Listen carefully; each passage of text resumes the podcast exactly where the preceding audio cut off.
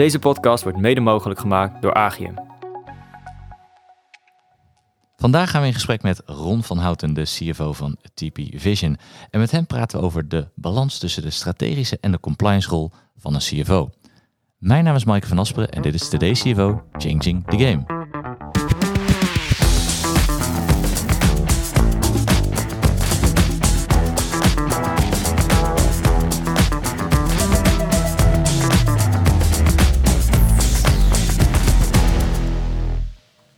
Welkom Ron. Goedemorgen. Leuk dat je er bent. Ja, dankjewel. Vers van de wintersport teruggekomen. Ja, het was een heerlijke week. Het is altijd goed om uh, een weekje uit te stappen. Uh, even geen business, geen finance, geen projecten, geen overnames, dat soort zaken. Maar even concentreren op de familie. En, Ja. uh, het fijne van skivakantie is altijd, je stapt de skis. Je bent alleen maar met, met, met, uh, met skiën en sporten bezig. Een goede lunch, daarna weer skiën. En daarna een après-ski. Ja, ja. Dus Het zware kan, leven. je kan niet op een iPhone kijken. Nee. Geen laptop erbij pakken. Dus complete ontspanning. Kijk, heerlijk. kijk, heel goed, heel goed. Ja, dan gaan we het toch vandaag maar over serieuze dingen even, even hebben met elkaar. Uh, maar eerst even, uh, nee, Ron van Houten, CEO van Type Vision, houdt van uh, skiën, maar wie is Ron nog meer? Ja, ik ben, ik ben een vader van twee mooie kinderen. Julian van 11 jaar, Alex van 6 jaar. Uh, ik heb een passie voor sport, zoals ik al zei, skiën, maar ook uh, voetbal en tennis en hardlopen. Uh, andere passie is uh, muziek en dan vooral luisteren en naar concerten gaan. Dus ik ga 12 of 14 keer per jaar naar een concert. Ik kan me ook wel verdiepen in kunst. Ook heel erg mooi. En natuurlijk, zoals iedereen, familie en vrienden zijn heel erg belangrijk voor mij. Ik woon in Utrecht, ben daar geboren, woon er nog steeds. Heb nog wel eens het idee gehad om naar het buitenland te gaan. Niet gelukt. Die kans is een keer geboden, maar niet, uh, niet aangegrepen ja. door omstandigheden. Uh, Utrecht is centraal, het is een, het is een middelgrote stad, alles goed te bereiken. Mooie stad ook. Een mooie stad. En, met, met een fantastische muziektempel. Zeker, zeker. Dus da, dan, zit, dan zit je goed als je van muziek houdt. En, uh... Vijf minuten van mijn huis, dan zit ik in uh, Tivoli Vredenburg. Jeetje, Mina. dat, ja. is, uh, dat is een heerlijk... uh, ik hoor het al, ik hoor het al. Concertzaal, ja. Ja hoor. Te goed, te goed. Dan, uh, ja, misschien stel ik er later aan het einde nog wel even een vraagje over. Maar uh, ik zei net trouwens, TP Vision werk je voor. ja. Ik ken het bedrijf, maar ik denk dat veel mensen het bedrijf niet kennen... totdat je gaat vertellen wat je nou precies doet. Dat ze de mensen denken, oh, wat is ja. TP Vision? Ja, TP Vision is eigenlijk een, uh, een, een entiteit die is uh, ontstaan um, uit een afsplitsing van Philips. Uh, dat is in het begin een joint venture geweest tussen TPV en Philips voor de tak van tv. waarbij later ook nog sound is bijgevoegd. Dus dan kunnen we denken aan de headsets, de soundbars, audio, Bluetooth speakers, maar ook accessoires, like bat batterijen en dat soort zaken. Ja. Um, dus dat is een afsplitsing geweest, dat is apart gezet uh, en dat is Type Vision geworden. Dus iedereen kent wel de Philips televisie. Ja. ja. dus jullie hebben de, de, de rechten om de Philips televisies te maken, te verkopen. Ja, het is een, en brand, ook, doen ook de ontwikkeling daarvan. Het is een brand license, dus um, dat is de relatie die we hebben met Philips. Um, maar design, R&D, het ontwikkelen en produceren van de tv's, maar ook monitoren... En, en soundproducten, ja, dat, is, uh, dat gebeurt in ons bedrijf. Uh, ja. Van begin tot het einde, tot het brengen naar uiteindelijk de eindklant. Ja. ja. En er zit er, nog, er zit nog wel veel samenwerking met andere onderdelen van Philips dan ook in? Of, of valt nou, dat, dat, dat, uh, dat, valt wel, wel mee. We zijn de grootste display company ter wereld. Uh, dus we doen nog veel meer dan alleen tv's. Ik zei al, Philips monitoren, professional displays. Dus je kan wel denken aan... Uh, de video walls, uh, boarding, oplossingen voor kantoren, oplossingen voor uh, retail. daar hebben we ook geweldige software voor ont ontwikkeld, zodat je al die monitoren kan, kan managen ja. op afstand. Um, en je ziet ook wel een ontwikkeling van het, het, het zijn van commodity, commodity company naar software company. Ja. En de twee samen die dan een oplossing naar de markt brengen. En je zei het, het was een joint venture in het begin. Want ja. Is het uh, van origine een Nederlands bedrijf of nu? Of uh, zit het hoofdkantoor ergens anders? Nee, het hoofdkantoor zit in, uh, in Taiwan en Hongkong. met, met ook een hoofdkantoor in Amsterdam. dus we hebben twee wereldwijde hoofdkantoren. Eentje in Amsterdam en eentje in Taiwan. Okay. Ja. Okay. Ja. En, en, hoe is die, die rolverdeling tussen die twee, twee hoofdkantoren dan? Is, het, is er iemand de baas? Ja, nou, global leadership zit, uh, zit ook op beide, beide plekken. dus in Taiwan en in, in Amsterdam. maar wat je wel ziet, R&D voor een groot gedeelte zit in, in Taipei qua leiderschap. Ja. Dat heeft ook mee te maken dat we best wel veel fabrieken hebben in China. dus R&D vindt daar plaats met ook een R&D-site in Gent. Mhm. in Gent worden bijvoorbeeld de chips geprogrammeerd. En die chips bepalen wat voor kwaliteit je uit het beeldscherm haalt. Ja. Uh, ook broadcasting, uh, um, R&D vindt plaats in Gent. En onze big data teams zitten ook in Gent. Ja, oké. Okay. design team zit weer in Amsterdam. dus die ontwerpen alle televisies, hoe ze eruit zien, maar ook de Bluetooth speakers en de soundbars en dat soort mooie producten. Ja, ja, ja. ja, Dus in, in, in Taiwan, in China, Amsterdam, Gent, en dan waarschijnlijk ook nog wel ergens in Amerika, Zuid-Amerika.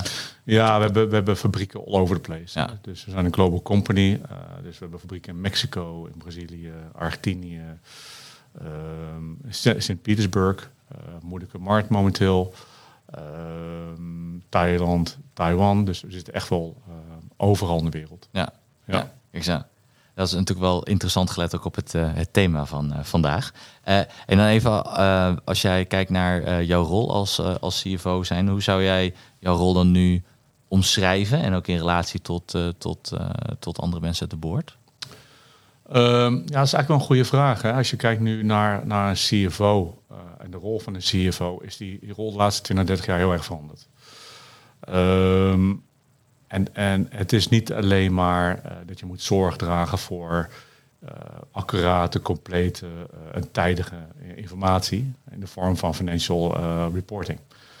Um, ik denk dat, dat de afgelopen 20, 30 jaar de events in de laatste 20, 30 jaar erg impact hebben gehad op de rol van de CFO. Je kan nadenken aan automatisering. Mm -hmm. um, waarbij je vrij snel alle, alle data beschikbaar hebt uh, om die te analyseren. Uh, maar ook wat te doen met die, met die, met die inzichten. Ja, dus de insight noem ik dat. Met de insight kan je weer uh, beïnvloeden. En dan kan je weer impact hebben op het algemene strategie van, van de organisatie. Ik denk dat je ook um, hebt gezien in de afgelopen 30 jaar dat we een enorme globalisering hebben doorgemaakt. dat betekent vaak dat je gaat investeren in andere landen. Uh, dat er veel meer overnames zijn uh, en acquisities. Ehm, dat heeft invloed gehad op de rol van een financial, omdat je betrokken moet zijn bij het maken van de business case. Begrijpen wat de condities in een land zijn. Hoe werkt het met FX rates? Hoe werkt het met uh, inflatierates? Nou, ook een hot topic momenteel. Ja. Hoe werkt het met het politieke gezag in een land? Uh, er zijn heel veel elementen waar je als CFO nu betrokken bij bent. We hebben ook twee of drie crisissen gezien. Eh, met alle gevolgen van dien. Eh, we hebben de dotcom-crisis gezien begin 2000. Eh, nou, het gevolg daarvan is geweest uh, Sarbanes-Oxley en alle regelgeving die ermee samengaat, die, die geïntroduceerd zijn in 2003. Enorme impact voor beursgenoteerde bedrijven. We hebben de financiële crisis gehad. nog meer compliance en regelgeving, waardoor de rol van de financial nog belangrijker is geworden. Um, dus door die crisis heb je ook gezien een toenemende, uh, toenemende druk, compliance uh, uh, waarbij financial meestal leidend is. ik denk dat de rol van de CFO ook veel breder is geworden. Ehm, ik ben niet alleen verantwoordelijk voor finance, ik ben ook verantwoordelijk voor tax en voor legal en voor CSR. Ook weer een nieuw topic. je bent niet alleen maar bezig met interne stakeholders, maar je hebt ook veel externe stakeholders. Eh, zeker als het gaat om CSR. Ehm, waarbij je met NGO's eh, in gesprek bent, met, met, uh, met je klanten, je bent in gesprek met je suppliers. Um, je employees zijn een bijzonder belangrijke stakeholder geworden op dat vlak. Mensen vinden het belangrijk wat je doet qua sustainability ehm, en, en, governance en et cetera. Dus dat is een heel, hele belangrijke geworden. En, en, en met al die elementen bij elkaar zie je toch dat CFO een van de weinigen in een organisatie is naast CEO die een holistic view heeft van de company. En dat komt vaak ook omdat uh, elke beslissing die je neemt in een, in een uh, organisatie een financieel resultaat heeft. Uh, dus je bent 9 van de 10 keer uh, betrokken bij beslissingen. Of, of je drijft zelfs die beslissingen. Ehm, dus naast de CEO is de CFO een van de weinigen die een holistic view heeft van de hele organisatie. En dat, dat vooral heeft uh, impact gehad op de rol van de CFO, maar ook, um, um, ook binnen uh, een board. Mm -hmm. met, ja, met de peers die je hebt. Ja, want ik kan me voorstellen dat je, als je een steeds bredere blik krijgt, je dus ook steeds meer op de treinen van andere boardmembers gaat zitten. Ja, of je werkt daar heel intensief mee samen. Um, uh, ik denk dat voor een board het heel belangrijk is dat er, dat er goed teamwerk is. Uh, dat er diversiteit is. Uh, dat je samen richting geeft aan beleid. Um, maar je ziet steeds vaker toch dat een CEO en CFO um, samen de strategie uitzet. Nou, je ziet ook steeds vaker dat een CFO CEO wordt. Uh, er zijn vele voorbeelden natuurlijk in, in de business. Uh, Schumacher bijvoorbeeld, mm -hmm. uh, die als CFO bij, bij Friesman Capina is begonnen. Ja. Uiteindelijk doorschoof naar CEO van, de, van, de, van dat mooie bedrijf. En nu CEO wordt van Unilever. Toch een financial die doorschuift vanuit de CFO-rol naar CEO-rol. Er werd altijd wel wat ehm, grapperig over gedaan. Van een CFO die CEO werd. En dan had je nog een CFO die werd, dan, dan had je weer een nieuwe CFO. En dan had je eigenlijk twee CFO's in de top van het bedrijf. Ja. Maar ik merk dat, je, dat jij dat anders ziet. Ja, weet je, iedereen heeft een ander uh, DNA. Dat, uh, kijk, je moet. Uh, CEO is natuurlijk een andere rol dan een CFO. Je staat veel meer in de spotlight. je, je vertegenwoordigt bedrijf op een andere manier. Um, nou, het, is, het is ook een stukje commerciëler vaak. Hè. Dat, mm -hmm. uh, het gaat vaak meer over innovaties, commerciëler. Uh, hoe, groei je de organisatie? Dat is een andere rol dan CFO. Maar omdat je uh, als CFO veel meer uit de defense side bent gestapt, en dat is nou, zorg dragen voor financiële accuraat en complete financials, ben je veel meer in de offense side gegaan. Wat is, je bent veel bezig met met het vijfjaarplan van het bedrijf. Je bent veel meer bezig met forecasten, budgetting. Uh, dan ben je dus ook bezig met oké, maar welke richting gaan we nu op? Hoe gaan we groeien? Organically? Of gaan we dat doen door partnerships? Of gaan we dat doen door M&A? En daar ben je altijd bij betrokken. Of sterker nog, daar geef je richting aan. Dus je wordt in al die jaren ontwikkel je enorm aan, aan de businesszijde. En je bent ook een goede CFO als je tegen de business aan hangt. Of in ieder geval mede richting geeft aan beleid. Um, ja, er zijn vele onderzoeken. Um, er, is, er, is, een onderzoek eh, van IBM geweest, lang geleden, 2010. Uh, die heeft gekeken naar, oké, maar wat is nou het verschil tussen de, de, CFO als een scorekeeper of een value integrator? En mhm. dan zie je dat de value integrator over het algemeen veel beter resultaat boekt als bedrijf zijn. Uh, omdat die financial daarbij betrokken is. dat, dat, dat gaat echt in eh, ehm, nou, dan moet je denken aan soms 20% eh, meer omzetgroei of 14% beter EBITDA. Dus de impact van een CFO die een value integrator is, die tegen de business aanhangt en die samen uh, richting geeft beleid, ja, is significant.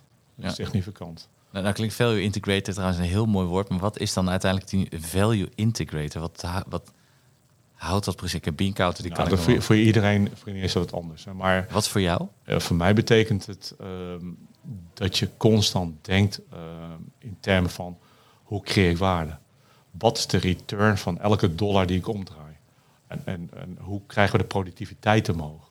Ehm, maar eh, en, en dan uit je rol stappen en niet alleen intern kijken, maar ook wat er om je heen gebeurt. Hoe zorg je dat je een organisatie hebt staan ehm, die intern waanzinnig efficiënt is. Een hele hoge output.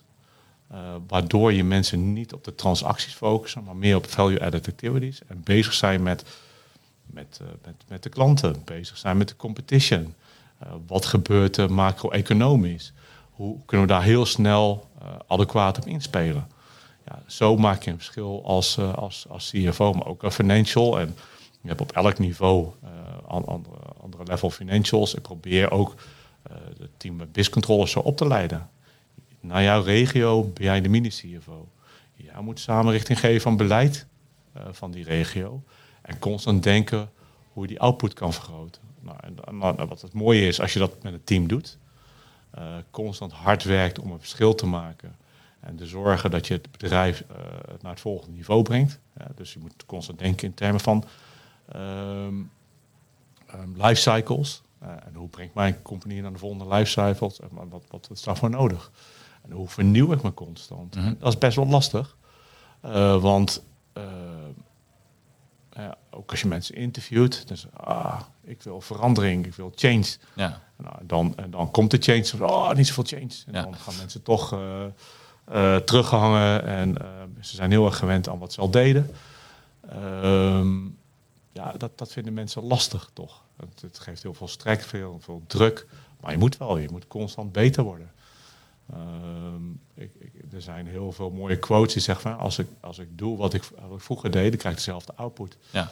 Ja, dat, dat, dat is dus niet uh, heel erg uh, um, um, waar ik voor sta, waar ik heen wil. Dus constant change, constant beter worden. Um, en dat is denk ik voor werknemers ook heel aantrekkelijk. Hè? Dus als ik kijk hoe ik mijn organisatie inricht en zeg van... Nou jongens, we, zijn op een journey naar uh, het worden van best in class. Wat betekent dat nu? Dan heb je maturity model. Van, ja, zijn we leading of lagging? Hoe komen we dan bij leading? Nou, daar kan ik geweldige goals op, op uh, pluggen. Uh, en dan zeg van, joh, je werkt aan je cv door die goals te behalen, parallel werken aan de, aan de company goals. En dat is een enorme stimulans voor, voor mensen die een idee hebben over, oké, this is my purpose. Zo creëer ik waarde voor een organisatie, dan heb je het weer, waardecreatie. Ja. Maar ook voor mezelf. Ik leer, ik groei, um, ik werk aan mijn cv. Nou, geweldig, het is een win-win. Dus ik, ik, we werken aan die journey. Um, we creëren waarde, uh, dat is belangrijk.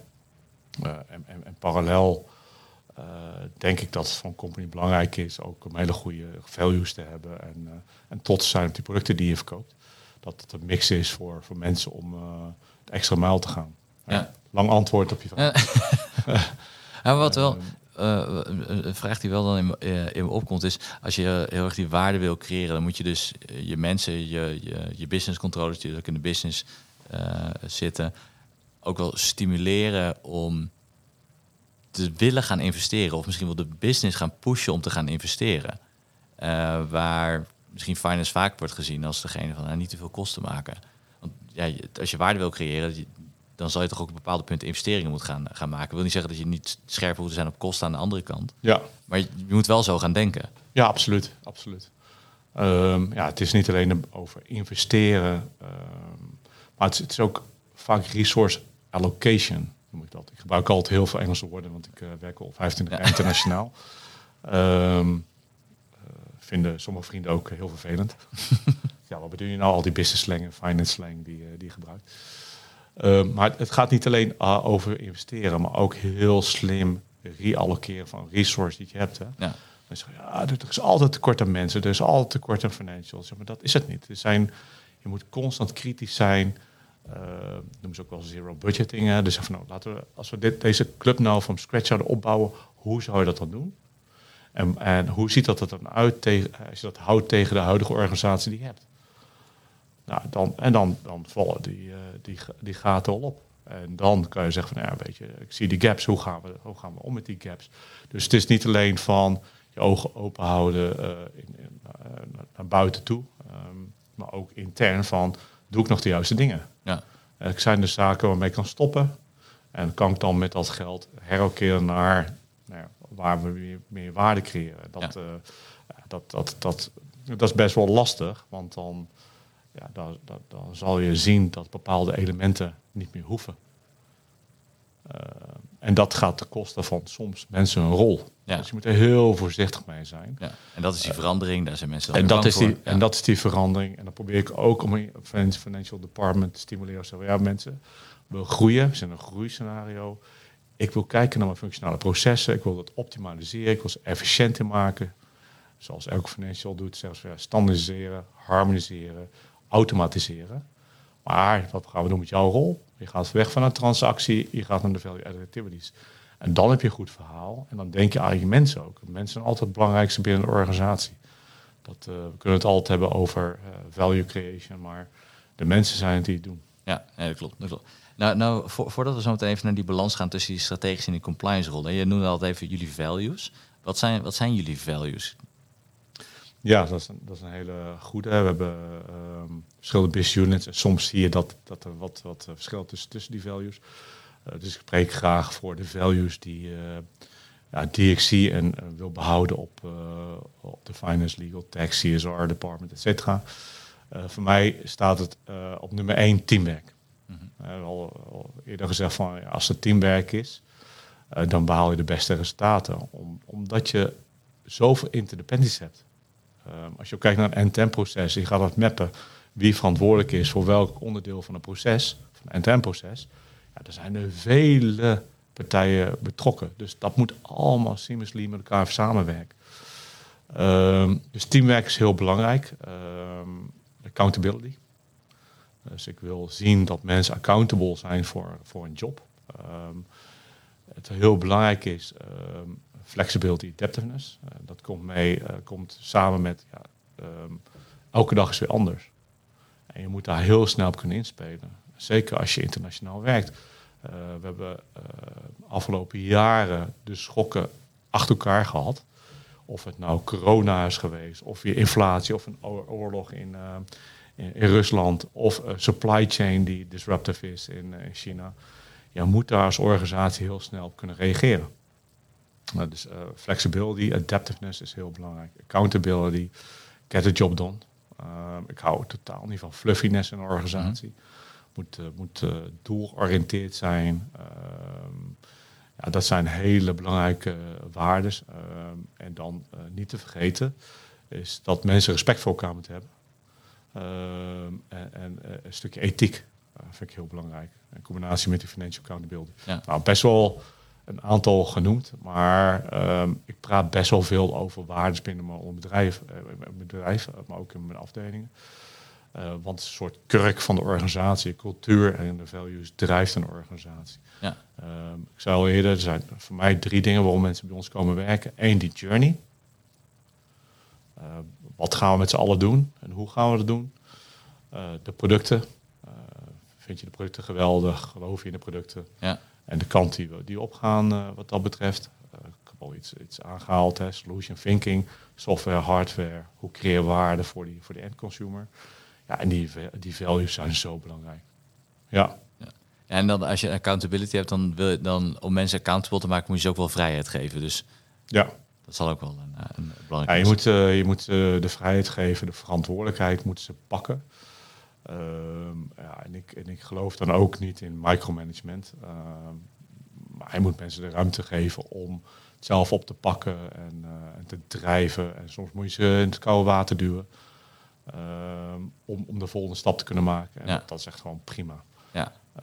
en dat, dat gaat samen met, hè, heb, je, heb je een learning organization? Hoe werk je met succession planning? en je moet dan vooral niet gaan zitten op de stoel van, van je mensen. Want zij moeten zich kunnen ontwikkelen, zij moeten waarde creëren, zij moeten accountable kunnen zijn voor wat ze doen. Uh, en ik geloof helder uh, in die, de, de leadership pipeline, hoe, hoe ze dat noemen. Uh, dat je op die manier ook een bedrijf ontwikkelt. je ziet heel vaak de individual contributor, die wordt manager. Ja.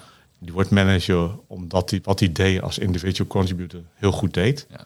Maar hij moet wel een rol gaan nemen als manager. En net zoals een manager van een manager, et cetera, et cetera. Ja je moet uh, als leider wel uh, constant een andere rol uh, kunnen, kunnen aanpassen eigenlijk. Ja, ja. ja. En dat, dat vind ik mooi dat je, dat je aangeeft ook dat, dat, dat mensen ruimte en vrijheid geven heel belangrijk vindt. Dat is natuurlijk wel een mooi stapje naar, naar het volgende. want je stelde in het begin ook, nou, door alles wat er de afgelopen jaren is gebeurd, verschillende crisis, is de compliance druk natuurlijk ook wat toegenomen. Uh, bij veel bedrijven. Uh, ja. Compliance ligt vaak bij de CFO. Komt dat weer op het, op het bordje? Vaak wel, ja. ja, ja. En dan, en dan ja, met, die, met die rol die breder wordt, met het feit dat je de strategie wil, wil, wil verder brengen, het bedrijf verder wil laten groeien, waarde wil toevoegen, dan lijkt die compliance rol een soort tegengestelde van die strategische doelen. Dus hoe ga je, daar, hoe ga je met zo'n balans daar dan in, in om? Zie je überhaupt trouwens een tegenstrijd daar tussen? Tussen compliance en, en strategische doelen behalen? Die strategische rol? Ja, ik zie, ik zie het wel. Uh, al probeer ik altijd de opportunity te zien uh, in uh, de compliance zijde, om dan weer ook de business te enablen. Ik, ik, probeer altijd die, die link te leggen. ik denk dat je wel ten alle tijden moet doen aan wet en regelgeving. Ehm, dan moet je organisatie op inrichten. Um, ja, governance control is gewoon heel belangrijk dat, dat moet staan als een huis. Hè. Dat kan niet loszien van een organisatie. Um, rol van de CFO is in eerste instantie, zei ik al, die, die scorekeeper rol, zorgen dat die, die cijfers accuraat en compleet zijn, uh, tijdig zijn. je moet risico's kunnen inschatten, je moet die risico's ook kunnen bespreken. Wat is risk appetite van een organisatie? en ook in strategische beslissingen komt dat weer terug. Um, wat voor risico wil je nemen of niet wil nemen. maar de standaard compliance moet wel in orde zijn. Dat is eigenlijk een soort hygiënefactor binnen, binnen je organisatie, denk ik. Ja. Maar die heb, je, heb je die compliance zien toenemen de afgelopen jaren? Ja, enorm. Ehm, ja, enorm. Uh, dat zie je al bij de accountants die, uh, die andere regelgeving krijgt. Uh, de AFM die, die anders kijkt naar accountants. Ehm, van de auditors ook wordt gevraagd van je, je moet echt wel beter controle krijgen over, over de financiën van je klanten. Eh, wat loopt er doorheen? Begrijp je de drijvers? Eh, ehm, is de informatie voldoende om de shareholders te informeren? andere stakeholders te informeren. Ja, die, die druk is enorm geworden. En dat, dat zie je niet alleen daar, maar je zie je ook nu met uh, CSR. Is net een nieuwe directive uitgekomen. Nou, het best bestrerende bedrijf in Nederland voldoet nu voor 30% geloof ik aan, die, aan die nieuwe regelgeving die in 2024 live gaat. Ja. Dus ja, bedrijven hebben nog 18 maanden om te zorgen dat ze klaar zijn voor de CSR Directive. Uh, die in 25 uh, eh, live gaat voor het boekjaar 24. Dus ja, nee, het wordt, wordt, wordt, wordt steeds belangrijker. Je hebt dat ook gezien aan de financiële crisis. ik heb wel wat peers gesproken die zeiden van ja, vroeger had ik, dat was mijn kleinere bank, had ik één man compliance zitten, nu 20. Ja. Eh, dus, dus je ziet dat dat enorm eh, ehm, groeit en, en, belangrijker wordt. Uh, bankwezen helemaal natuurlijk. Uh, was er laatst een artikel dat, uh, dat de Rabobank 2800 mensen heeft zitten op het trekken van klanten op, op witwassen. Ja, dat, 2800. Dat, dat, is enorm. Dus die investering die, die bedrijven moeten doen uh, compliant te zijn hè, met, met, eh, met, met de regelgeving is, is enorm. Ja. ja. Hoe, zit dat bij, bij, bij, jullie? Jij hebt geen 2800 man, denk ik, erop zitten. Maar hoeveel um, mensen zijn bij jullie daarmee mee bezig? Nou, we hebben wel veel mensen op zitten. Ehm, maar je ziet het nu bijvoorbeeld ook dat we toch, toch ook um, met product compliance en trade compliance, dat we daar extra investeringen doen. zeker in het afgelopen jaar, waarbij wij ook een operatie hebben in Rusland. Eh, Oekraïne. Ja. Ehm, nou, eh, we, zijn, we zijn eh, een bedrijf ehm, dat, dat, dat zaken doet in, in dollars, in euro's, met een Europese roots. We doen business in de US, in Azië, in Rusland. Ja, je wordt geconfronteerd met heel veel sancties. en daar moet je organisaties op inrichten. Ja. En zorgen dat je, dat je, dat je compliant bent met die, met die sancties. Nou, dat om op maar iets te noemen. Ja. Maar het is best wel lastig om dat natuurlijk allemaal maar even uit te gaan, te gaan zoeken. Ja, ja, dus dan, dan heb je natuurlijk wel een flexibel schil die je daarbij helpt. je hebt dus professionele organisaties die, die je daarbij kunnen assisteren. Maar je moet je bedrijf daar wel op, op, op inrichten. Nou, dat hebben we natuurlijk de afgelopen 20, 30 jaar gezien. En dus zei ik al eerder, die golven van verandering om je heen gaan heel snel. En daar moet je dus ook heel snel kunnen, kunnen inspelen. Nou, nou denk ik dat je als organisatie ook moet zorgen dat je end-to-end uh, processen hebt die, die heel strak zijn ingericht. waarbij je in controle bent. door, door te kijken naar een proces, de controles in het proces, zoveel mogelijk te automatiseren. Zorgen dat mensen met de juiste dingen weer bezig zijn met die output en kwaliteit. maar vooral ook met externe wereld bezig zijn en niet met intern. Wat me opvalt bij heel veel bedrijven, is dat ze het intern niet in orde hebben. Mhm. Waardoor uh, toch alle aandacht en, en, focus gaat naar interne issues. Waarbij je daar eigenlijk heel makkelijk op controle kan zijn. Maar wat veel moeilijker is natuurlijk, wat gebeurt er om je heen? En hoe kan je daarop inspelen? Um, dus ja, dat, die interne end-to-end processen, die moeten gewoon staan als een huis. En uh, uh, heel efficiënt zijn met een enorme output. Zodat je je focus kan hebben op andere dingen. Maar zeg, zeg je daarmee dat, je, dat jullie het ieder geval goed hebben geregeld uh, intern? Als je zegt dat je verbaast dat er wel eens bedrijven zijn die, die nog zo erg mee bezig uh, zijn dat ze het niet goed Nou, geregeld bij, hebben? bij ons is het ook niet perfect. Hè? Ik zeg altijd, eh, je hebt eh, eh, good control, but not perfect control. Dat bestaat gewoon niet. Ja.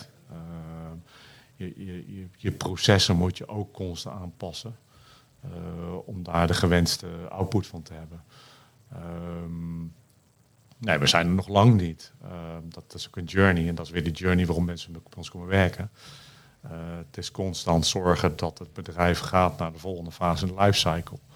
Eh, maar goed, ik spreek met heel veel peers en heel veel eh, mensen in, eh, van verschillende grote bedrijven. En ook kleine bedrijven. En dan hoor je toch dat, dat het toch heel erg moeilijk is om de interne organisatie goed ingericht te hebben en de proces goed, goed ingericht te hebben. Eh, en te zorgen dat eh, de IT-architecture goed onder controle is. Ehm, ja, dit- je ziet toch dat, dat bedrijven vaak nou, som- soms eh, een ontwikkeling doormaken door acquisities. En er komen allerlei verschillende tools bij. Dus hoe gaan we om met alle data, met alle tools en, en noem maar op. Wat het toch best ook complex maakt om alles te streamlinen. Ja. En te zorgen dat die maximale output er is. Dus ja, het is een utopie om te denken dat dat eh, binnen korte tijd haalbaar is. Ja. Eh, Of ooit? Dat moet wel, moet wel een, eh, een, een uitgangspunt zijn en een doel zijn. Maar kan je 100% compliant zijn?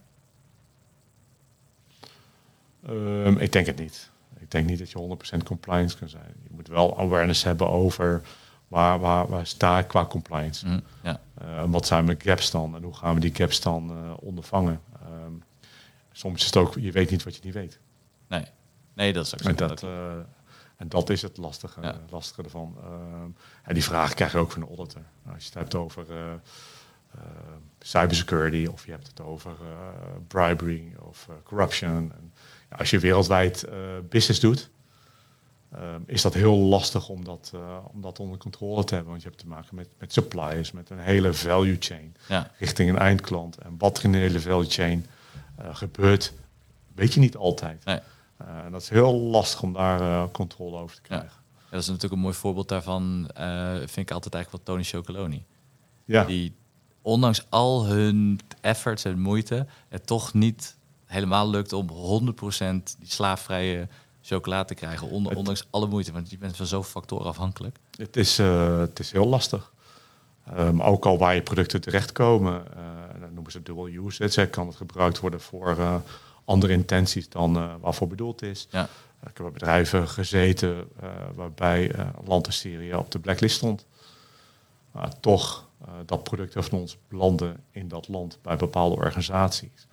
Door bepaalde channels die door Italië gingen, Ja, via een andere channel partner, maar toch Ja. daar belanden. ja, Ehm, ja, ik vind dat je als, als bedrijf wel een verantwoordelijkheid hebt.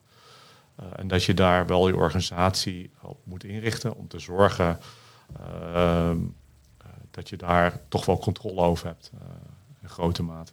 ja. Maar ja, je- 100% controle, perfect control bestaat niet. En Nee. dat, is, dat, is- dat is echt een utopie. En wat je, wat, je, wat je net ook aangaf, dat veel bedrijven die hebben het ook moeite om het intern op orde te krijgen. Speelt daar misschien ook wel in mee dat je altijd afhankelijk bent van andere mensen binnen het bedrijf die misschien niet zoveel met compliance hebben of helemaal niks ermee hebben, die toch dingen moeten invullen, aanleveren. Dat het ook lastig is om die mensen mee te krijgen daarin. Dat daar vaak een grote uitdaging zit. Ja, dat is een enorme uitdaging. En, ehm, ja, ik probeer het altijd onder het kopje stakeholders te plaatsen.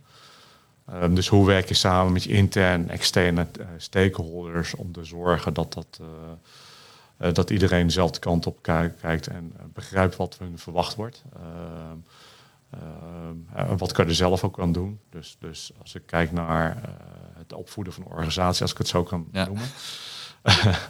dan, Met eh, meenemen, dat is misschien mooier. meenemen, opvoeden. Nou, het is uiteindelijk teamwerk weer. Ja. Mensen hebben een ander wereldbeeld, andere invalshoek, een andere ervaring, andere kennis. En dat is goed voor de diversiteit en goed voor een bedrijf. Ehm, ehm, en daar, maar daarvoor is het wel belangrijk dat je constant consult en informt en samenwerkt en eh, elkaar up-to-date houdt. Eh, wat ik zelf eh, doe en stimuleer binnen een organisatie, en zeker vanuit een finance, legal, tax point of view. Jongens, ga op een roadshow. Ga praten met mensen. Ehm, dus ga samen als een team naar al die landen. een update geven over de verschillende elementen waar jij verantwoordelijk voor bent. Ga dat gesprek aan altijd. Uh, dat, is, dat, is, belangrijk. Uh, en dat gebeurt ook. Mijn, uh, mijn, mijn, legal director is vorige week naar, naar Hamburg gevlogen om daar met het dagteam te gaan zitten. ik denk dat dat heel belangrijk is. Uiteindelijk is het allemaal mensenwerk. Ehm, ja, en mensen hebben een andere, andere, andere invalshoek. Ja. Soms, soms weten ze niet eens uh, dat wat ze doen, dat dat een risico is voor je compliance. Ja. Uh, ze doen vaak dingen met beste intentie. Ja. en niet zozeer zo van, ja, weet je, ik, ik ga nu iets doen wat eigenlijk niet, niet kan of wat niet past binnen, binnen het framework dat we hebben neergezet. Ja, soms hebben ze geen idee. daarom is dat stukje education zo belangrijk binnen een organisatie. Eh, maar ook, ook met externe partijen eh, moet je constant eh, die awareness kweken en samenwerken. Wat verwacht je van elkaar? Hoe werk je samen? Ja. Maar je zegt dus, dus eigenlijk van, je moet continu die boodschap van waarom dit belangrijk is, waarom moeten we aan die regels voldoen, moet je continu vertellen aan de mensen in de business, onder, onder andere, uh, om het maar tussen de oren te, ja, ja, hebben zeker, zitten. Zeker. En ze bewust te maken eigenlijk van. ja, absoluut. Dat constant proces van praten, naar elkaar luisteren. En, je kan ook heel veel mee, mee voorkomen. Hè? Dus als je dicht tegen de business aan zit en je weet waar iets heen gaat. Um, en je zit aan de tafel waar beslissingen worden genomen. Um, dan kan je ook heel, heel goed adviseren. Dan zeg je, weet je, wat je, je hier voorstelt heeft uh, deze impact. Maar heb je wel eens nagedacht over alternatief A en B? Um, dus ik probeer mijn organisatie ook op te voeden in de zin van, je bent een enabler, geen showstopper zorg dat je, dat je samen met, samenwerkt, in de ziet zeg maar, zit en uh, een goed advies geeft. En dat gaat weer van je werkt samen de strategie, je ondersteunt, support, maar zorg ook dat ze begrijpen wat de impact is van beslissingen die genomen worden. En wat de alternatieven zijn. En soms weten ze niet eens wat alternatieven zijn. Maar door het aan te bieden, oh, ja, is eigenlijk veel beter, dus veel efficiënter of veel uh, de risico's uh, minimaler. En ja, dat, dat werkt goed heb je nou als, als CFO zijn er nou vaker toch die compliance pet uiteindelijk op? Of dat, dat toch vaak dat hetgeen is wat, wat nou ja, bij jou de, de, de overhand in de beslissing neemt? Of valt dat mee? Ja, ik probeer. Uh, soms moet je dat doen. Hè. Moet je op je strepen staan. Uh, maar ik probeer toch te komen uh, in een situatie uh, waar je samen eh, naar oplossingen zoekt voor een situatie waar je inkomt. Om te zorgen dat je niet die, die lijn overgaat. Nou, er, zijn, er zijn grijsgebieden. Uh, fijn, maar je moet daar niet overheen gaan. Dus dat is belangrijk. En, uh, binnen een organisatie, dat noemen ze doelincongruentie. Uh, een wat? Doelincongruentie. Oh, oké.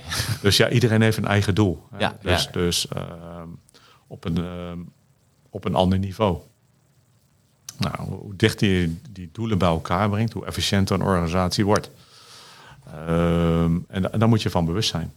Dus als je zegt van iemand in de business, een salespersoon heeft een ander, uh, vaak een ander doel dan uh, zijn manager of een regio-manager of een Europese manager of een global manager. Uh, dus je moet zorgen dat die doelen zo dicht mogelijk bij elkaar komen. Um, en dan ben je als organisatie het meest efficiënt en effectief. Maar jij, hebt wel heel, jij moet wel heel veel vertrouwen in, in de mensen uit jouw team schrijven. Om die boodschap die jij ook elke keer vertelt, dat zij dat. Ja. Die ook, want jij kan dat niet allemaal in je eentje doen. Nee, het, is toon het top. Hè. Je moet het voorbeeld zetten, je moet het vaak over hebben. Uh, maar ook in, in, uh, in, in, in boardmeetings, in uh, eh, MT's, wordt, is vaak een, een discussiepunt. Ehm, heel veel bedrijven zijn heel erg um, nou, resultaat georiënteerd. Mhm. Eh, als, je, als je samen een strategie uitwerkt, dan wil je hem ook halen. Nou, uh, daar gaan mensen voor. Ja. dus vooral, ja, het, het, is traditioneel, hè, het is een kwartaaleinde. er moet nog contract gesloten worden, die deal moet gemaakt worden. ja, daar, daar, daar, gebeuren vaak wel dingen die, die daglicht niet aan kunnen. Daar moet je dus wel je controles op, op inrichten. Ehm, zijn dat ook de momenten dat je extra waakzaam bent? Zeker, zeker. Ja, ja. ja, ja. Maar wat je vaak ziet is toch, uh, toch um, ja, acties die, die, die gefocust zijn op, uh, op, op het jaar en de kwartaaleinde. Dat resultaat georiënteerd erbij zijn. Wat, wat, wat invloed heeft op mensen een bonus. Ja, um, ja dat, dat, zie je, dat zie je vaak. Ja, wat heb, je, heb je daar, durf je daar iets over, over te, te zeggen wanneer je wel eens echt in, in de knel kwam uh, daarmee tussen, tussen die um, strategische en die, en, en die compliance rol? Ja, nou, weet je wel, uh, er zijn lastige dossiers. Uh, zoals ik eerder zei, het gaat meestal over een bepaalde flexibiliteit die je in wilt dammen. Uh, ja, dat ligt altijd in de sfeer van het boeken van bepaalde resultaten. Ja, net iets in de voor of naar achterhalen. Ja, dat, dat is de, de traditionele en dat, dat vind je vaak in uh, ja, wat, wat ze dan uh, sales deductions noemen of sales provisions en uh, ja. extra provisies boeken of niet en, en de onderbouwing daarvan. Um, ik denk uiteindelijk dat dat ook niet goed is voor een organisatie, maar een organisatie lui maakt. Um, uh, fluffiness en, luiheid uh, vind ik uh, een ziekte voor een organisatie.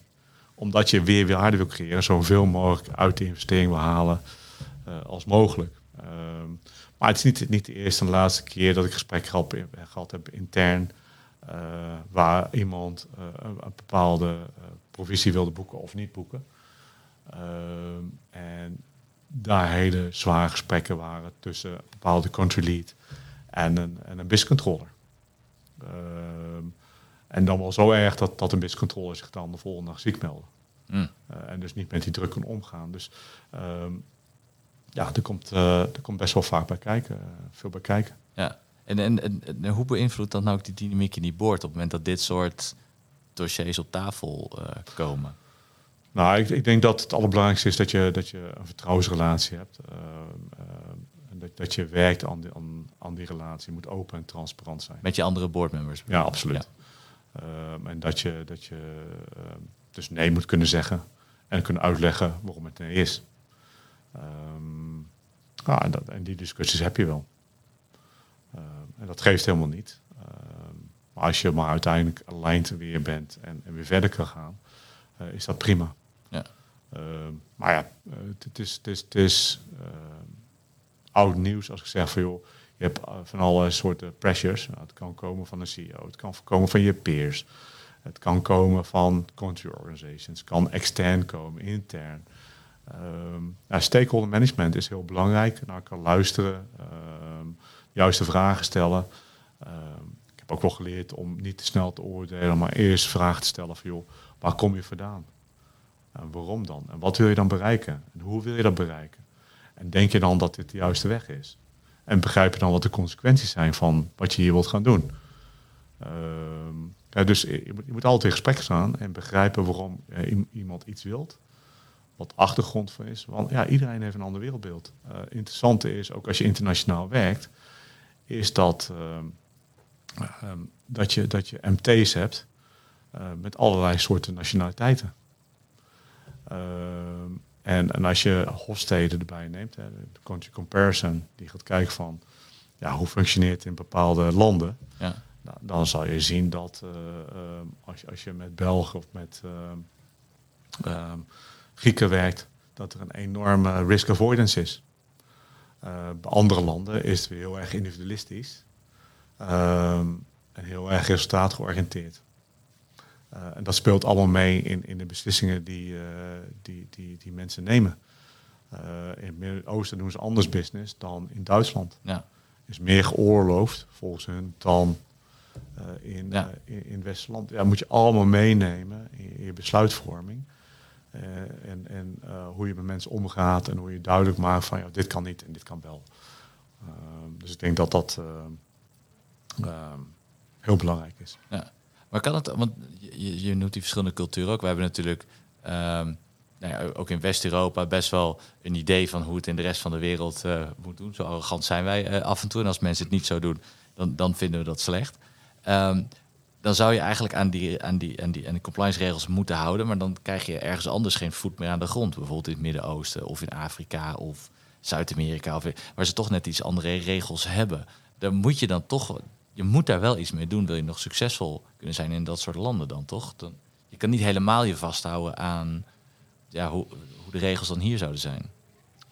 Ehm, nou ja, uh, is zo. Hè. Als je nou uh, bepaalde uh, landen in Azië werkt, dan zou je zien dat dat heel vaak op relatiebasis gaat. Ja. En niet zoals Anglo-Saxisch het vaak gebeurt, kaart in de contractonderhandeling.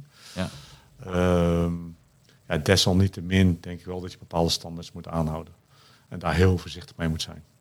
Um, kijk, hoe, hoe, je, hoe je onderhandelt en uh, hoe je zaken doet uh, is één. Uh, hoe je de relatie bouwt is ook vaak anders. maar ik vind dat je wel moet houden aan bepaalde standaarden.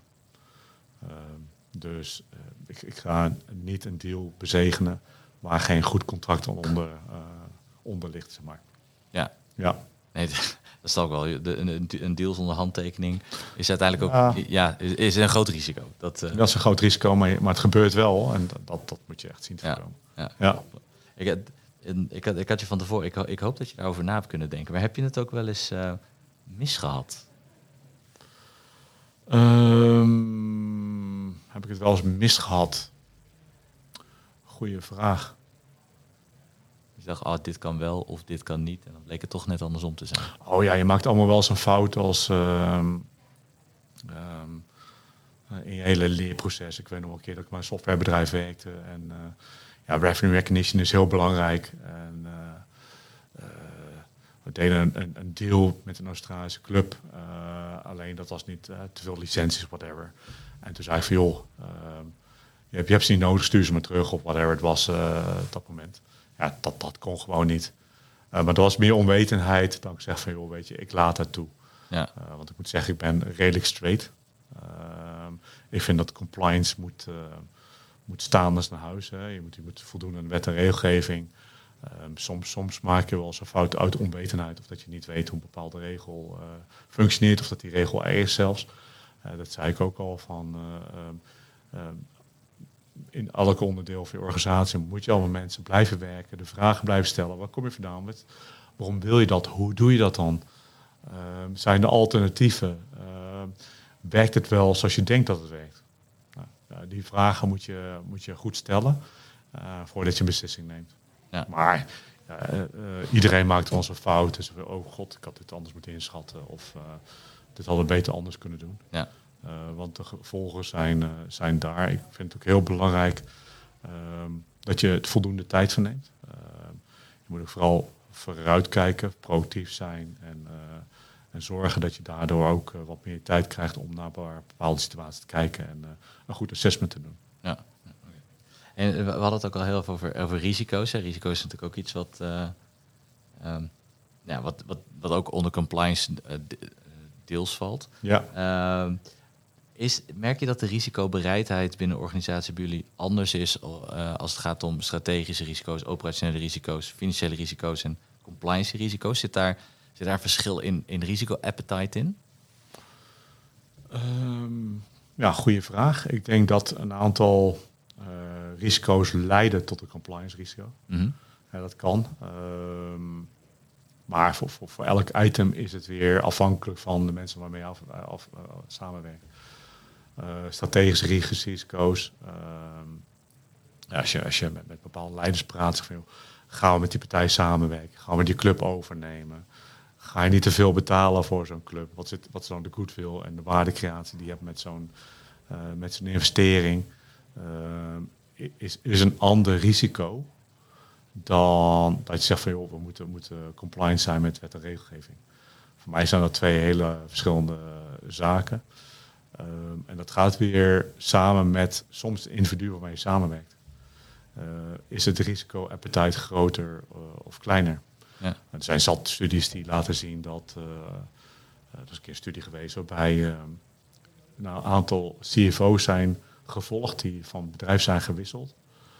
Um, en wat het heeft gedaan met, met um, de tax avoidance strategie. Nou, dan zie je dat bepaald DNA van CFO um, meer risico's neemt dan de ander. Mm, ja. um, en dat gaat samen met een bepaald DNA. Wat is je achtergrond? Um, dat gaat zo ver, psychologisch, van wat voor opvoeding heb je gehad, uit welk land kom je, wat voor scholing heb je gehad. Nou, allemaal van dat soort zaken die bepalen wat voor risico je neemt of niet neemt. Ik, heb, ik heb ook wel gezien dat bijvoorbeeld CFO's met een RA of een RC-opleiding minder risico nemen dan zonder een opleiding. Ja, dat komt dat ze gedrild zijn op die manier. Om maar een voorbeeld te noemen. Ja. Uh, zoals ik eerder zei, uh, als je kijkt naar bepaalde landen. Uh, als je iemand, ik wil niet generaliseren, doe het toch wel even. Gewoon doen. Gewoon doen. Ehm, nou, als je kijkt naar uh, bepaalde landen in de biscultuur, waar de risk avoidance veel hoger is dan andere landen, ja, die zitten veel conservatiever in overnames bijvoorbeeld. Uh, of uh, te veel leningen nemen. Hè, dat je bepaalde financial leverage hebt, maar dat dat doorslaat. Ehm, dus dat, dat, dat is heel moeilijk om, om daar een generalistisch antwoord op te geven. Okay. Maar merk je, uh, zou jij, zou jij jij, jij zou denk ik niet zo snel veel compliancy-achtige risico's nemen. Je zei wel, van, je kan nooit 100% compliant zijn. Dat is, je weet niet wat je weet. Maar gelet op je achtergrond, wat je vertelde, is dat wel... Je, je zou eerder een strategisch risico willen nemen dan een compliance risico. Zeker, ja. ja. Dat, dat kan best wel uh, enorme uh, impact hebben op je organisatie. Maar ook voor jou als CFO zijn natuurlijk dat een compliance risico uh, hangt misschien ook, kleeft misschien ook wel zwaarder aan een CFO. Zeker. Dan dat een, een strategisch risico Het kan een enorme reputatie uh, damage zijn. Ja. Uh, ik geloof ook als je één keer in nieuws komt met, met een grote zaak, dan ja, is het game over. Ja. Dan is geloofwaardigheid weg. ik denk dat we ook allemaal een code hebben getekend. zeker als je een RA of een RC-opleiding hebt gedaan. Waardoor je titel kan, kan, kan verliezen. Ehm, ja, daar hangt wel wat vanaf. Ja. Ja. Um, ja, en toch, de financial heeft toch meestal wel um, ja, de rol binnen een organisatie om, om te zorgen dat een organisatie binnen bepaalde boundaries blijft. Uh, en die controls zijn er niet voor niks. Hè. De controls zijn daar uh, om te zorgen dat een organisatie naar een bepaald punt gaat. En dat wordt wel eens onderschat. Maar ik denk dat voor uh, CFO uh, of ook voor een legal director het heel belangrijk is om uh, compliant te zijn. wel een enabler te zijn, hè, te zeggen van oké, okay, dit kan niet en dit kan wel. Ja. dus alternatieven aan, aanbieden en constant zoeken naar, naar hoe je samen waarde creëert. maar vooral niet waarde destroyt. En dat, dat doe je dus. Ja. Dus, dus constant nadenken over die twee elementen. Ja. Dus ik denk dat dat afbreuk uh, kan best wel groot zijn voor een CFO. Ja, ja. ja. Ik, ik, wil even een paar stellingen aan je voorleggen voordat ik naar de laatste vraag ga. En eh, deze heb je niet van tevoren gezien. Dus uh, ik ben benieuwd of je eens of oneens uh, gaat, gaat zeggen. Altijd lastig. Ja, is altijd lastig. Maar gewoon gelijk het eerste wat in je opkomt. eigenlijk alle non-financials moeten op een cursus Finance voor Non-Financials. Nee.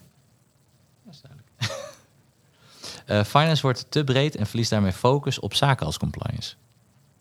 Nee. Sturen op vertrouwen en compliance gaat niet samen. Nee, dus wel. Ja. Dat gaat wel samen, ja? Okay. Ja. ja. uh, de focus op compliance schiet te ver door. Ja. Kijk, dan de, de allerlaatste. Uh, beloningen werken niet in het... Uh, compliancy aspect? Uh, jawel. Oké. Okay. Die laatste ook wel even interessant. Uh, waarom werken beloningen wel? Um, nou, voor mij is het meer, uh, ik probeer het dan um, te verbinden met KPI's die ik zet. Dus terugkomen op die journey die ik heb ja. als, als als onderdeel van, van de complete organisatie heb ik gezegd, joh, ja, dit willen we bereiken in de komende twee, drie jaar. Maturity model, we groeien van A naar B. Um, dan stel ik hele duidelijke smart goals. Uh, en bij die smart goals komen uh, KPI's terug. die compliance georiënteerd zijn. En Ja. hang ik daar dus aan bonussen. Ja. maar kan je dat ook aan de saleskant doen? Bijvoorbeeld? Ehm, ik denk dat dat wel lastig is. Je kan, ik kan wel zorgen voor bonussen die daar ondersteunend in zijn. Ja. Ehm, kijk, weet je ook, ze zitten daar met een andere rol. Eh, dus dat maakt het een stuk lastiger. Wat je, wat je, je kan wel proberen door middel van bepaalde KPI's en bonussen te zorgen dat ze niet in die situatie terechtkomen. Ja. Eh, kan je een voorbeeld noemen? Elk kwartaal, en zeker bij software companies, ook ons bedrijf, ja, er zijn kwartaalbonussen. Dus wat gebeurt er? Eh, mensen eh, de eerste twee maanden zijn nog vrij relaxed. Die zijn nog bezig om die deal te maken. Ja. Nou, en dan, dan kom- krijg je een hockeystick. En traditioneel gebeurt dat dan in de laatste week van het kwartaal. Ja. Nou, één is dat heel slecht voor productiviteit. Want al je resources werken keihard in die laatste week om te zorgen dat de business binnenkomt. Eh, maar de druk, is de druk ook zo hoog dat er misschien eh, zaken gebeuren eh, die je niet wilt Ja. dat ze gaan gebeuren. Dus dan kan je denken aan bonussen die zijn gericht op zorgen dat bepaalde deals bijvoorbeeld in maand 1 of 2 worden geclosed. En niet maand 3 van het kwartaal. Dan is de druk er niet zo. Want dan, als je hem niet maakt in 1, Ja. dan loopt hij misschien wel door in maand 2. Ja. Nou, dus dan maar worden ze wel getriggerd om dat te gaan doen. Dus ik denk dat je wel iets met bonussen kan doen om te zorgen dat ze in ieder geval niet in een situatie komen dat ze worden getriggerd Ja. om, eh, Ja. om de rails te overtreffen. Dus ja, eh, creativiteit in die zin eh, moet er ook wel zijn. Om, eh, En, en zou sowieso voor de hele board moeten zijn dat compliancy voldoening een onderdeel is van hun bonusstructuur. Of je nou CEO bent, COO, CIO, CFO. vind, ik, eh, vind ik heel lastig om te zeggen. Ik denk dat het eh, wel een onderzoek waard is. Ja. Kijk, Absoluut. onderzoek. Ja. Ja. Dan, dan wil ik even naar de, de laatste vraag eh, gaan. Ehm, eigenlijk, wat is voor jou nou de belangrijkste tip voor mensen die struggelen met die balans tussen die strategische rol die je hebt en die CFO eh, ehm, en de compliance rol die je hebt? Ja, dat is een uitstekende vraag. En daar heb je dan een uitstekend antwoord op. misschien, misschien. Eh, Ik kan wel vertellen wat, eh, wat voor, voor, voor mij werkt. Ik denk dat eh, leeftijd en ervaring zeker helpt. Eh, als, je, al- als je al lang eh, eh, het werk doet, heb je al veel ervaring, heb je het al een paar keer meegewerkt, eh, meegemaakt. En dan weet je wel wat, hoe, op bepaalde zaken om te gaan. Nou, en dan helpt het ook wel om expert power te hebben. Dus je, je, bent, je, bent, je hebt gezag op het, op het vakgebied. Ja. Eh, wat heel erg helpt ook om uit te leggen wat, wel en niet kan. En dat, dat krijg je door je vakgebied te leven te- en heel veel over te lezen en eh, over, eh, eh, te studeren. Ehm, wat ook helpt, denk ik, om te begrijpen hoe andere departementen tikken. Dus, dus ja, hoe werkt nu sales? Als ik eh, vroeger zei tegen mijn nou, als je bij die landen zit, dan moet je, moet je begrijpen eh, hoe die biscultuur in die landen zit. Maar dan moet je ook begrijpen eh, hoe sales functioneert. Dus ga erover lezen, ga er eh, Ja. eh, een cursus over, over volgen. Ehm, ik denk dat het ook belangrijk is als leiderschapteam om, om een open, transparante ehm, eh, cultuur te stimuleren. Waarbij dat zaken bespreekbaar zijn. Dat, die bespreekbaarheid is denk ik heel erg belangrijk. samen met, met, met die bedrijfscultuur. Eh, en besteed heel veel tijd aan eh, stakeholder management. Dus, nou, wie zijn je stakeholders? Ja. Bouw die relatie. Begrijp wat de independencies zijn. Eh, dan wordt het ook weer veel makkelijker om, om dat gesprek te hebben. Maar dan ben je een iets jongere CFO, iets minder gepokt en gemazeld als dat, eh, dat jij bent. Dan heb je natuurlijk niet die, die ervaring. Wat, wat, zou, wat zou je dan die personen aanraden? Nou, wat, wat ik denk heel belangrijk is voor mensen die wel een pad hebben uitgestippeld. Hè, en ook eh, zo'n rol he- hebben. eh, waarbij ze met al die stakeholders praten. eh, heel belangrijk om een mentor te hebben. Eh, en iemand binnen een organisatie mee kan praten. Ja. joh, ik zit met deze situatie. Hoe kan ik hiermee omgaan? Heb je tips en tricks? Ja, en- Iemand binnen of je misschien ook juist buiten de organisatie? nou, ik denk allebei. Eh, ik denk dat mentor- mentorship heel veel, heel veel oplevert. Het, is, het is best wel lastig voor heel veel mensen binnen een organisatie om om te gaan met die druk en die stress. Ja. Ehm, ik vraag me ook wel eens af, en er is nog geen studie naar gedaan, denk ik, maar ehm, hè, dat, dat snijvlak tussen compliance en strategie en de druk die het oplevert, eh, heeft, heeft dat eh, impact op het aantal zieke mensen binnen een organisatie? Leeft Ja. dat burn-outs op of niet? Ehm, ik Kan denk, bijna niet anders. Ik denk het, ik denk het eh, wel. Ja. Uh, ik denk dat we zo'n case hebben gehad bij uh, Axel Nobel destijds. de toenmalige CFO, tijdelijke CFO was het? Nee, nee ik ben even zijn naam is ontschoten, maar Ja. hij kwam uit Zwitserland. dat, oh, die, ja. dat de druk zo enorm was opgelopen dat die man van zijn van zijn rol afzag. Ja. Um, nou, het zou interessant zijn om, om uh, te begrijpen of dat vaker gebeurt bij bedrijven. Ja. De snijvlak compliance met, met strategie. Uh, het lastig voor een CFO is nog steeds, je schrijft samen mee in een plan. Je wilt Ja. plan graag hebben. Ja. Ja, hoe straight ben je dan om te zeggen van ja, nou, dit gaan we dus gewoon niet doen. Ja. Uh, hè, je, ga, je, ga, je, ga je de cijfers dan rooskleuriger uitdragen dan ze werkelijk zijn. Uh, ga je met je shareholders niet uh, delen waar potentiële risico's zitten Ja. achter die cijfers. Wat, ja, tegenwoordig teken je ook af voor die, voor die financials. zeker bij beursgenoteerde bedrijven. Um, ze zeggen van, joh, wat voor tips? Nou, je hebt die, die, die, die kennis, de expert power, uh, hele belangrijke. Uh, stimuleer een transparante cultuur. Uh, zorg dat mensen een mentor hebben. Rapportagelijn kan ook nog wel eens hebben, helpen. Ja. Zeker voor CFO's. Hè. rapporteer in een CEO of rapporteer naar een board of directors. Dat kan, kan ook nog wel eens helpen. Want dan ben je onafhankelijker. Ja. Ehm, ik heb ook wel eens, ik heb wel veel peers gesproken die zeiden, dat was echt verbazingwekkend. Die zeiden ook van, zorg dat je een financiële privébuffer hebt. Mocht het fout gaan. Nou, dat, dat, je, dat je zegt van, hey, je, hebt, je hebt zelf je, je, je, je kompas, hè, je ethisch kompas. Ja. Uh, ben je sterk genoeg om je eigen ethische kompas te volgen? En, Ja. en, en een lijn te zeggen van, ja, hier maar niet verder. Ja. Dus eigenlijk je eigen onafhankelijkheid. Je onafhankelijkheid waarborgen en, en dan ook kunnen zeggen van, joh, uh, als, als, als dit het beleid is binnen deze organisatie, sta ik niet achter. Ja. Dan, dan neem ik afscheid bijvoorbeeld. Nou, dat is heel extreem. Ja.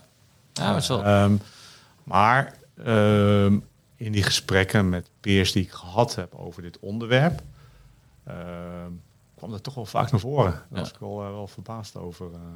ja. Ja, dat, dat geloof ik. Het is natuurlijk best wel lastig om als je ergens, en zeker als je wat lager in de organisatie, laat maar zeggen, zit, misschien niet altijd die financiële buffer hebt, om dan maar te zeggen, weet je wat, ik ben het hier niet mee eens, ik zeg mijn baan op, ik ga er vandoor. Nee. Dat geeft ook weer onzekerheid voor mensen en verandering vinden ze ook niet altijd, eh, altijd prettig. Nou, absoluut. best en, wel daarom, lastig. en daarom ook als, als CFO moet je zeggen van joh, ik sta achter dit verhaal. Ik Ja. support je. Ja, Ga ervoor. I back je op. ja, Nou, weet je wel, back je, back je op. Dat is wel heel ja. belangrijk. ik heb je rug. Ja, Ja, ja. Ja, ja, ja dat zet er komt het Engels weer ertussen. ja, het is echt heel lastig af en toe, eh, die slang die... eh, Nee. Maar ik, vind, ik vind het mooie tips eh, die, je- die je mee heeft gegeven. Dus ik hoop dat, eh, dat de luisteraars eh, daar zeker ook mee, eh, mee aan, de, aan de gang gaan. Ik wil je ook eh, erg danken voor het, eh, het gesprek eh, wat we zojuist eh, gehad hebben. Ik vond het in ieder geval leuk om, leuk om zo jouw verhalen te horen en jouw inzicht. Ik hoop dat je het ook leuk hebt gevonden. Ja, uitstekend. Kijk, ja, dat is ja. mooi, dat is mooi, Het zijn goede gesprekken die echt, denk ik, ook weer iets creëren. Heel goed, heel goed, heel goed. En dan hartelijk dank hiervoor en dan wil ik jou verder een hele fijne dag wensen. Ja, dankjewel. Hetzelfde. Vond je dit nou een leuk gesprek en wil je meer verhalen horen van CFO's? Volg ons dan op ons Agium kanaal.